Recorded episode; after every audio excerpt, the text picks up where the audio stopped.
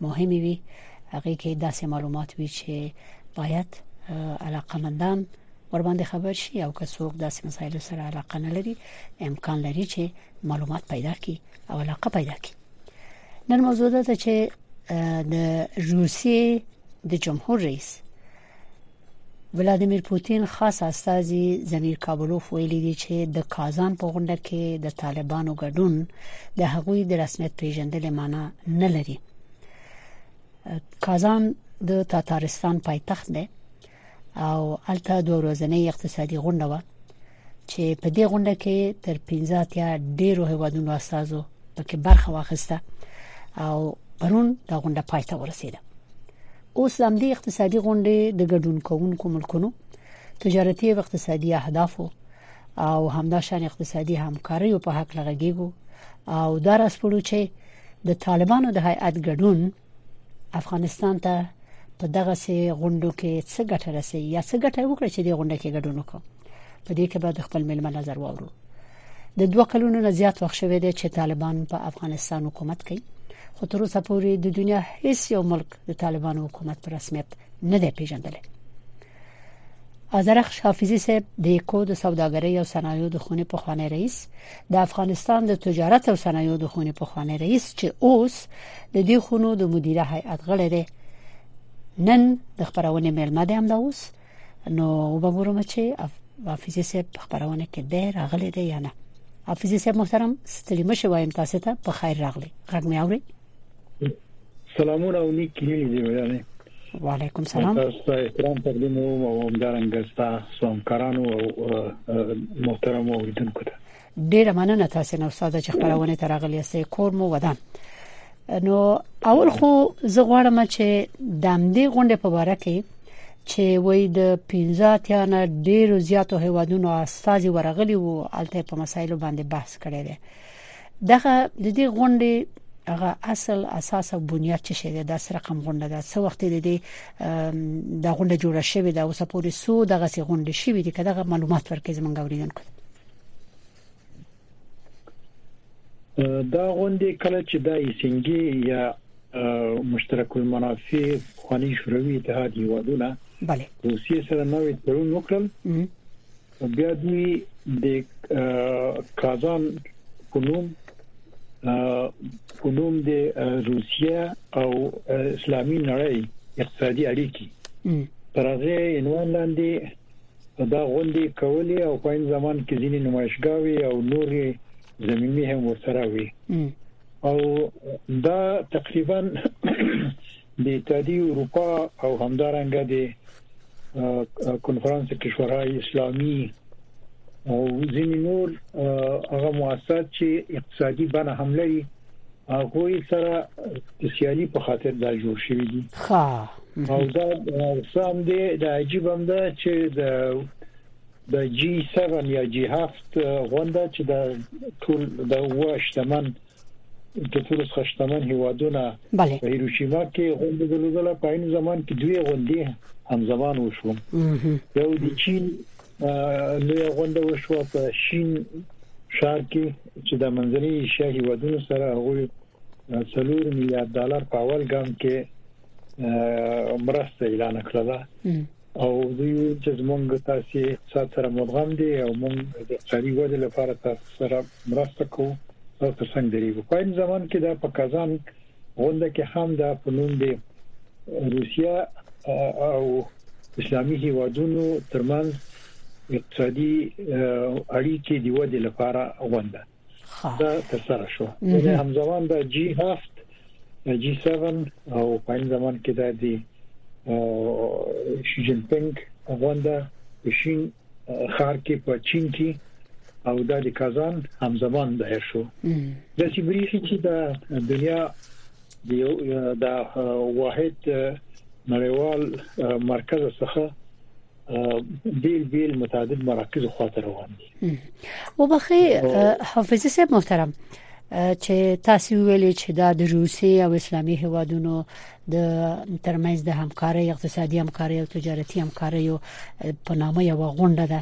او بل جی 7 ده بل د اروپאי اتحادیه او اسلامي کانفرنس غونډه ده چې دا د غوي سره د رقابت او سیالي په اساس جوړه شوې ده البته د روسي د هغه د ماتیدو نه روسته بلې چې په خانه شوروي اتحاد مات شو بلې شوروي اتحاد د دې باندې خو پوه شو پیغام د لویل د اقتصادي نور پیمانونه سوسیالیستي هیوادو سره همګرایي اقتصادي د لویل انټیګریشن ښه هغه سمګری سوسیالیستي په نوم یو شی وو هغه ختم شو بیا دا دا نوی روسیه مخصن د پوتین له وخت څخه دا جوړ شوی دی ځکه چې د ایلچن په وخت کې روسیه په خپل غم کې وو او ځان ټول کړی وو یوازې په په روسیه باندې ترکیز کوي چې خپل مشکلات حل کړي د پوتین په وخت یعنی اول ځل چې د جمهور رئیس شو هغه وخت د غونډه یاره دغه یو پلان او پروګرام جوړ شو د سي کانفرنس به دایره و د سي غونډه وکاو درست کله چې په خپل په خو ودرېدل کله چې اقتصادي امکانات دونه وشو چې دا د یاد دي چې دوی هم لکه په خو یو ځینې هیوادونو د مرکز په حیث عمل وکړي د دې په میور کې نور هیوادونه راټول شي دوی بیا دا کارونه پر کړل چې چین دا کار کوي اوس چین مثلا د شانګهای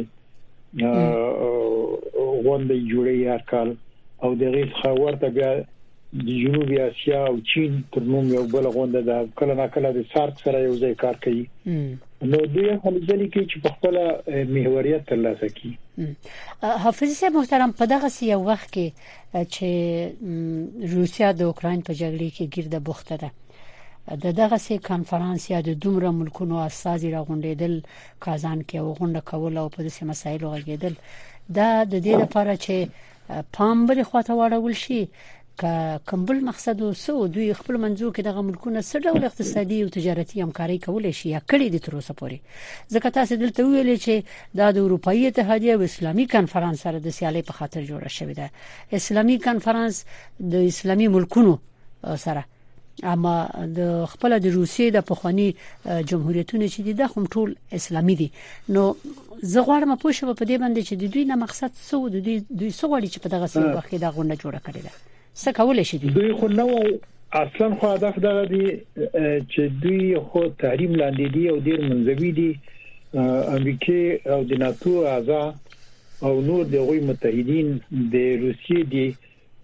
د تهاجمي سیاست د اوکرين په خاطر دوی تر تحریم لاندې دي او منځوي غونډې د دوی غوښتل چې دوی منځوي کی نو دوی دا خل چې موږ منځوي نه یو پنځه اتیا هیوادونه حتی متحدین د غرب هم را سره دي او چین سره یو ځای او چین حتی د سعودي او د ایران هغه ذات البینی مشکلات د حل لپاره ګامونه اخلي او بریالي هم شو وزیر خارجه دی ایران او وزیر خارجه دی سعودي او رئیس شورای امنیت ملي د دوه هیوادونو سره کېنول یعنی معنی دا چې هغه محوریت چې په غرب کې شتون درلودل یا د ایالات متحده امریکا تر شاوخوا سره ټول ول حتی دوی د غوي په حریم کې هم چې مثلا سعودي د غوي خل ډیر لوی متحد وو یعنی د ناتو څخه بهر د ټولو څخه ډیر مهم متحد د ایالات متحده امریکا هم ده سعودي عرب وکنه چې غوي سره د عربو کې دا کې ډیر پنګونې کړې دي او ډیر مناسبات لري نو په دې خاطر باندې دوی اول ګام کې هم چین هم روسیا غواړي چې هغه انځوا چې د امریکا له خوا ور باندې تحمیل شوې دي هغه خزان وژوري او یا بیا د څه وخی ځان ته مورال ورکي چې مونږ یوازې نه یو مونږ هم دلته امکانات لرو ډیر هیوادونه مونږ سره کار کوي او دا من د چا تر امر لاندې نه یو دغه شی لپاره دی هغه سکی ها ها اوس په خپل د جنگ په حالت کې دی الته اوکرين سره په جګړه کې بوخته او نور دنیا سره هم خپل په تحریم حالت کې قرار لري او دا تحریم چې راځي اقتصادي توان او قوت دی وادونه ډیر راټیټي بله او تاسو غده بله تاسو د خبرونو غده واوریدل چې د جی 7 په غونډه کې د اوسترو اقتصادي قدرتونو همدې لپاره دا غونډه جوړه کړې و چې په روسیې باندې نور اقتصادي بندیزونه ولګي چې په اوکرين کې و نشي کړي نور بعد دینه د جنگ توان لري او یعنی یعنی مالی لحاظ باندې کمزوري کی چې د جنگ یو ډول باندې حل شي نو خاص د روسیې په ډیرو صادراتو باندې بندیزونه ولګول د روسي په الماسو باندې مثلا نورو شیانو باندې بل نورو مرسته هغه لګول کیږي بندیزونه لګول کیږي په هر صورت زبیر د دې تر ازمه چې په دې 15 یا ملکونو کې چې چین روسه غواړي دنیا ته خصوصا امریکای ته وخی چې موږ هم یوازې نه یو موږ هم د خپل بلاک لرو موږ سره ډیر ملکونه دي د غرب هم نورم موږ سره مرسته کوي ساسې منځوي کېدل یا انزوا په موږ تاثیر نه کوي دا غوړي چې وخی په دې 15 ملکونو کې دا غټ غټ ملکونه کوم یو دي چې امریکای سره هم دي او په عین حال کې د دوی سره مرابطه ساتي د روسي سره هغه کوم ملکونه دي خو د سې دي چې د هیوادونو دلته شتون لري مثلا چین دلته ګډون لري مثلا هندستان ګډون لري برازیل ګډون لري سعودي عرب ګډون لري خو دا ډیر امارات متحده عرب استازي تشکیل لري نو د منځنۍ ایشیا هیوادونه لکه ترکمنستان چې دا هم غوښتل چې د روسیې د دایره څخه ځان وژغوري او د افغانستان لاري او د پاکستان لاري ګرم وبو ته ځان ورسي د غوي هم ډیر غختلي استاد ویلته د هیوادونو تشتون درلودل تا خود هغه خلک چې یعنی د پخوا څخه ډېر ستر متحدین دي یا لاسم چې امریکا پات شوې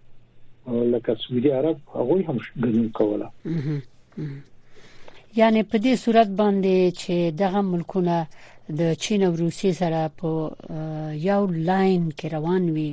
او دنیا ته د سخی فکر کوئ چې دغه فشارونه به یا د امریکای د اقتصادي فشارونو او بندیزونو به د دې سبب شي چې د اوکرين د جګړې د ختمېدو لپاره یو زمينه مساعده شي فکر کوي د څه د چې د یو زور ازمایي هغه یو نظم چې شتون درلودل د پرسله شوروي ته د سقوط څخه بله چې دنیا په یو مرکز باندې سره راټول وو په نوم د ګلوبلایزیشن د نړیوال نوې نظم بله تر چوکاټ لاندې کار کول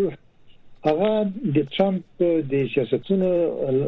لا وخت څخه چې چین په مقابل به جین بندیزونه ولګول الته غوي متقابلا د دې پر ضد ځینې کارونه وکړل چې هغه به ساري وي په خو دا شنو چې د امریکای په مقابل د نور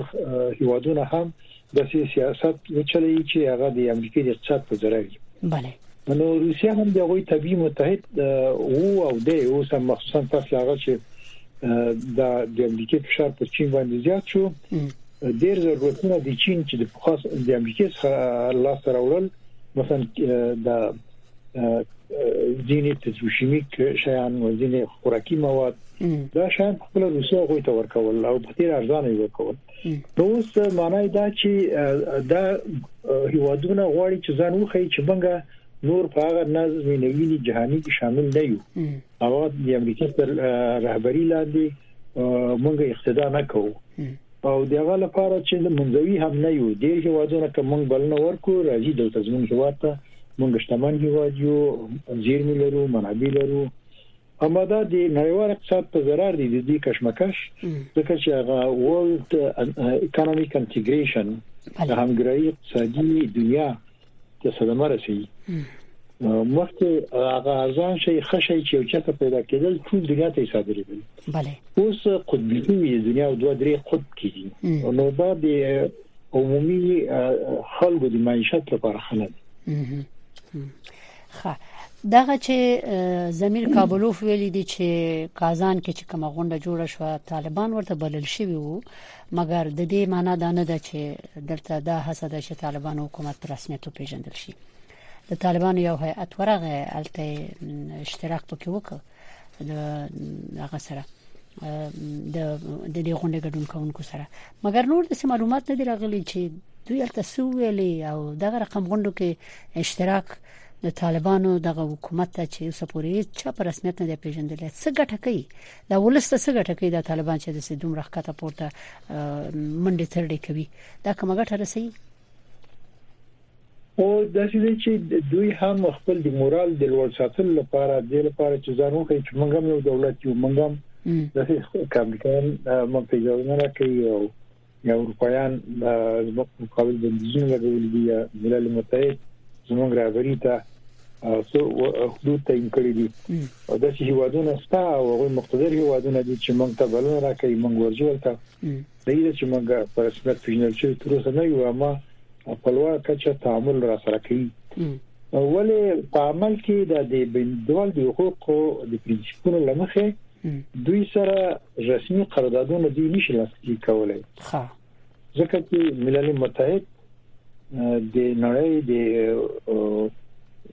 خورا ډیر غختلې بینالمللي سازمان په حیث کله چې دوی یا شورای امنیت د ملل متحد د یو پریکړه وکړي چې دوی د حقوق بشر او منشور ملل متحد او د نور بشري ارزښتونو پر ضد عمل کوي بیا هیوادونه هر هیواد چې د هغه غړیتوب لري دا محدودیت پر تطبیق پیښي چې دوی په یوازې توګه نشي کولای چې پر رسمیت وپیژني او کدا وکړي یعنی کولای شي اما دا په خپل بیا د هغوی لپاره الزامات راوړي نو په دې خاطر باندې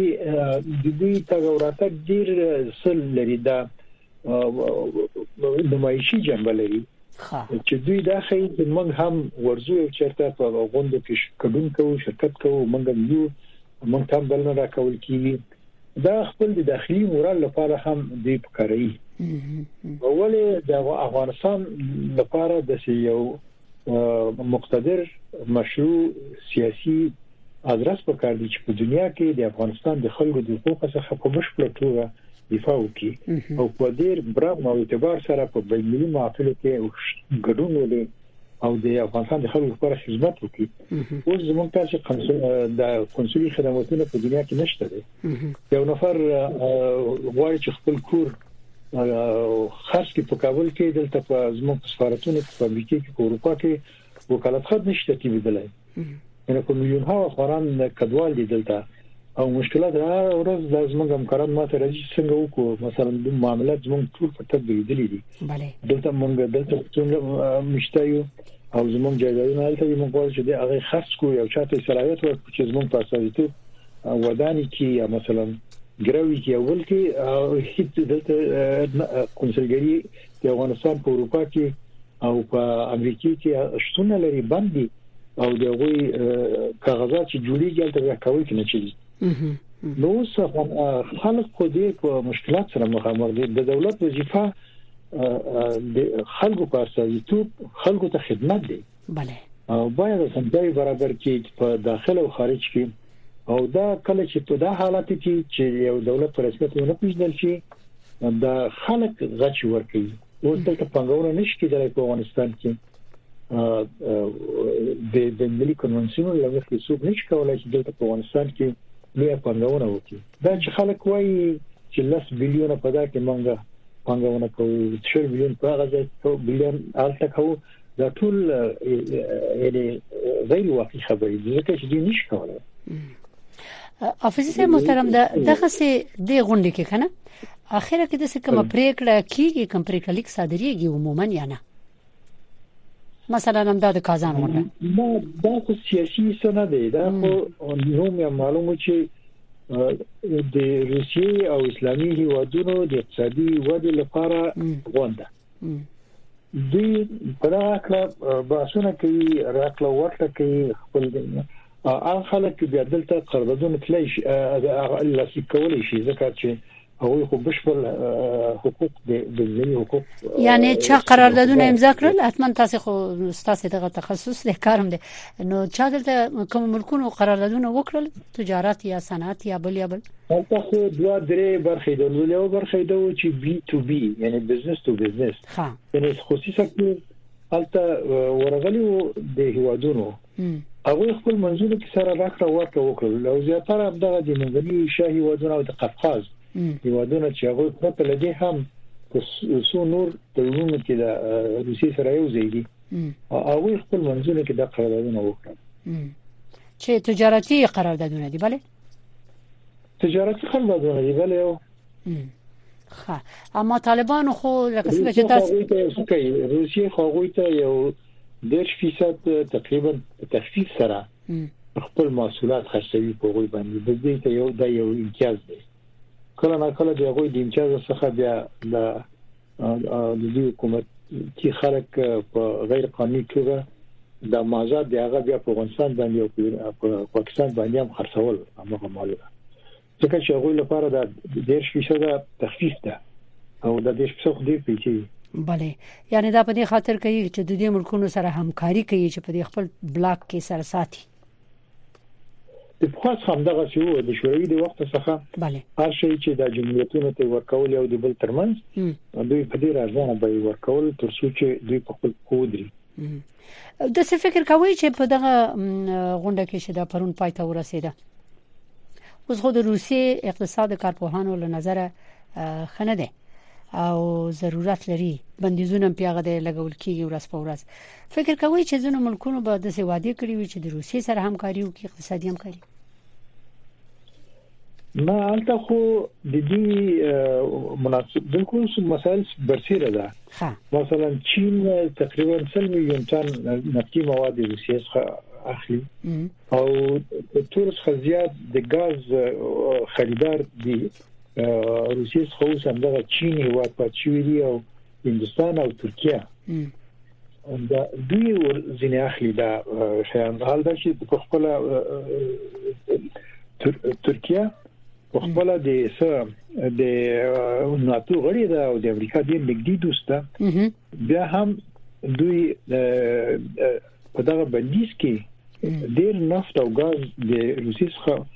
اخیستی وو او نه یوازې خپل د ضرورتونو لپاره په پانی زمان کې نور هیوادو ته بیا خرڅول او ګټ ګټي پی کولې یعنی په دې حساب باندې دا چې چلیږي چې چلیږي د دوی اقتصادي ماشين دغه سي مسلې دي د روسي bale خو د دوی داسې چې اول خو دنیا دې شان ته ضرورت لري امریکای د سعودي عرب څخه وغوښتل چې د اوپک په چوکات کې یو 2 میلیون بیرل په ورځ کې خپل تولید زیات کړي bale تر څو چې خل دنیا خود یو معین مقدار ته ضرورت لري چې خپل د ماشين د ټکنالوژي او چلی او خپل د ورځنی ژوند هغه کې تامین کې دا سعودیان وی نه منله او چې موږ د کپسینل او ظرفیت نه لرو او د امریکای مقصد دا و چې 2 میلیون بیرل په ورځ کې کچيري د په مارکیټ کې زیات راشي هغه قیمتونه چې د روسي په ګټه لوړیږي هغه نه لوړیږي نو هغه ټیټ پاتې کیږي او د امریکا همکاران په خپل هم په کلکه همکاري ونکړه یا ونشو کولای یا ونکړه نو په دې خاطر باندې هغه هیوادونه چې تیل ته ضرورت درلودل او د اوپک هیوادونو تولید کفایت نکاو او امریکای خو دې لري دي او د جګړه دې لري دي دغه وخت خو دې نشو کولای چې ترانسپورتیشن هم ډیر ګران شوی دي ورکی دا نو مجبور دي چې روسي خو ته دې نګدي لاندې مثلا طرف چې دې د خواته ټول دایری ته د استانبول دی نو یو بیړی چلته په حرکت وکي سهار مخام دي ترسيږي ها نو په دې خاطر باندې هغه د هغه اقتصادي ګټې او د هغه منفعتونه ځکه چې وایي ارتکاب عمل وردو اصل استوار است دفع ضرر یا کسب نفع هر څوک خپل ګټې ته ګوري هر څوک خپل ضرر د دفع لپاره هلې ځلې کوي او ځنې خو مجبوریتونه دي ځنې حالاتو کې مجبوریت دی چې تاسو ویل اقتصادي ماشين وچلیږي ضرورت لري چې کدی یو ملک سره دوستي کې کم خلل هم راځي باید چې غاز او نفت او تیل واخلي کای وانخلي خلک څنګه ژوند وکړي دا مثلا پکې دی بیا په داسې حالت امریکا خو ته ویل چې ما اخلي هم مجبور چې واخلي بله اته د وزیر خارجه د امریکا وزیر خارجه د روسیې څخه هندستان څخه چې خپل دوست بلل ویل چې تاسو زمون په لوي سره کې د روسیې هغه ویل چې موږ خپل په لوي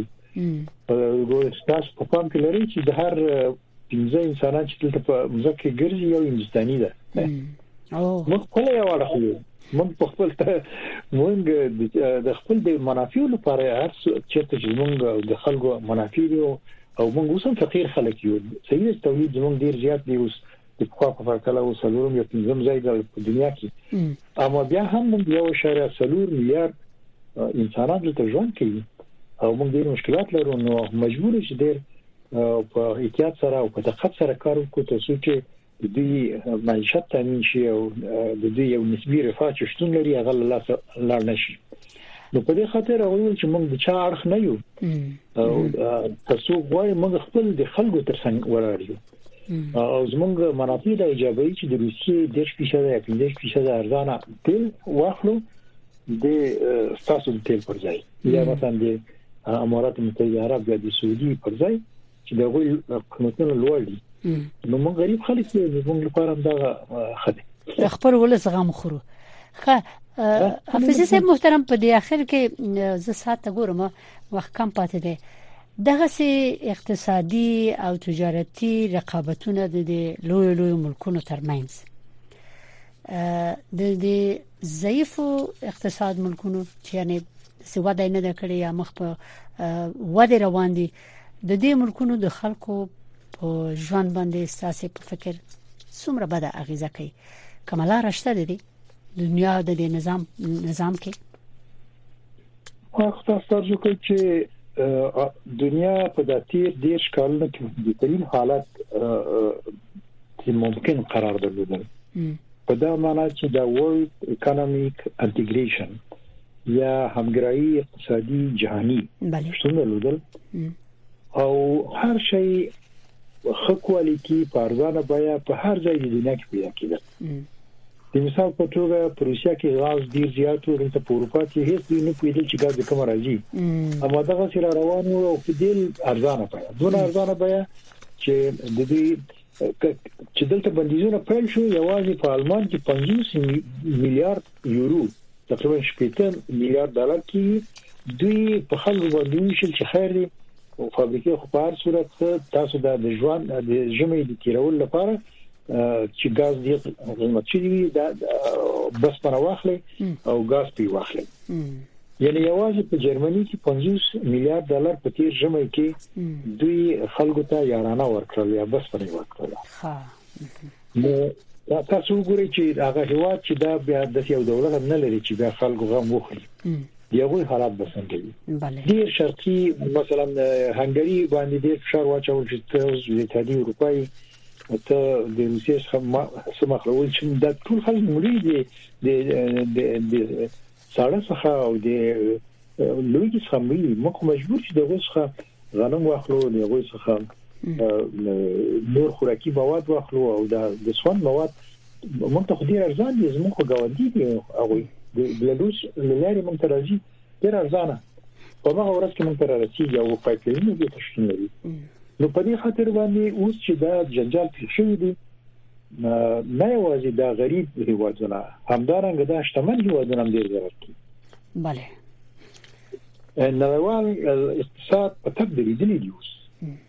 حالات ډیر خراب دي بله دا چې نړیوال اقتصاد به افغانستان غوډي هیوادونه خو بیخي تباہ دي ځکه چې دی چې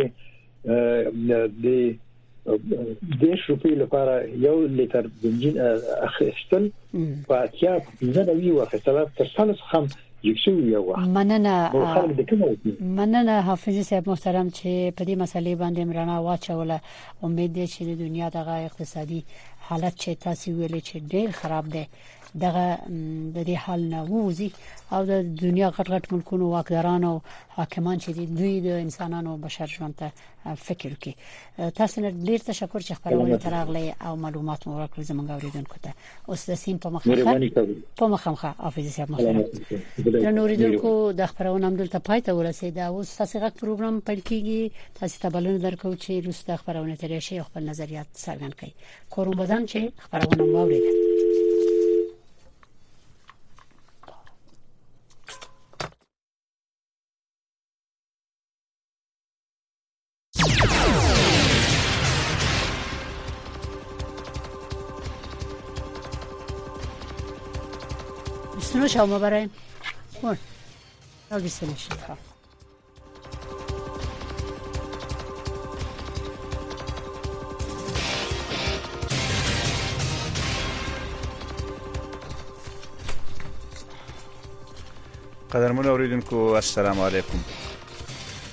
بله بله شنونده های محترم سلام برنامه شماست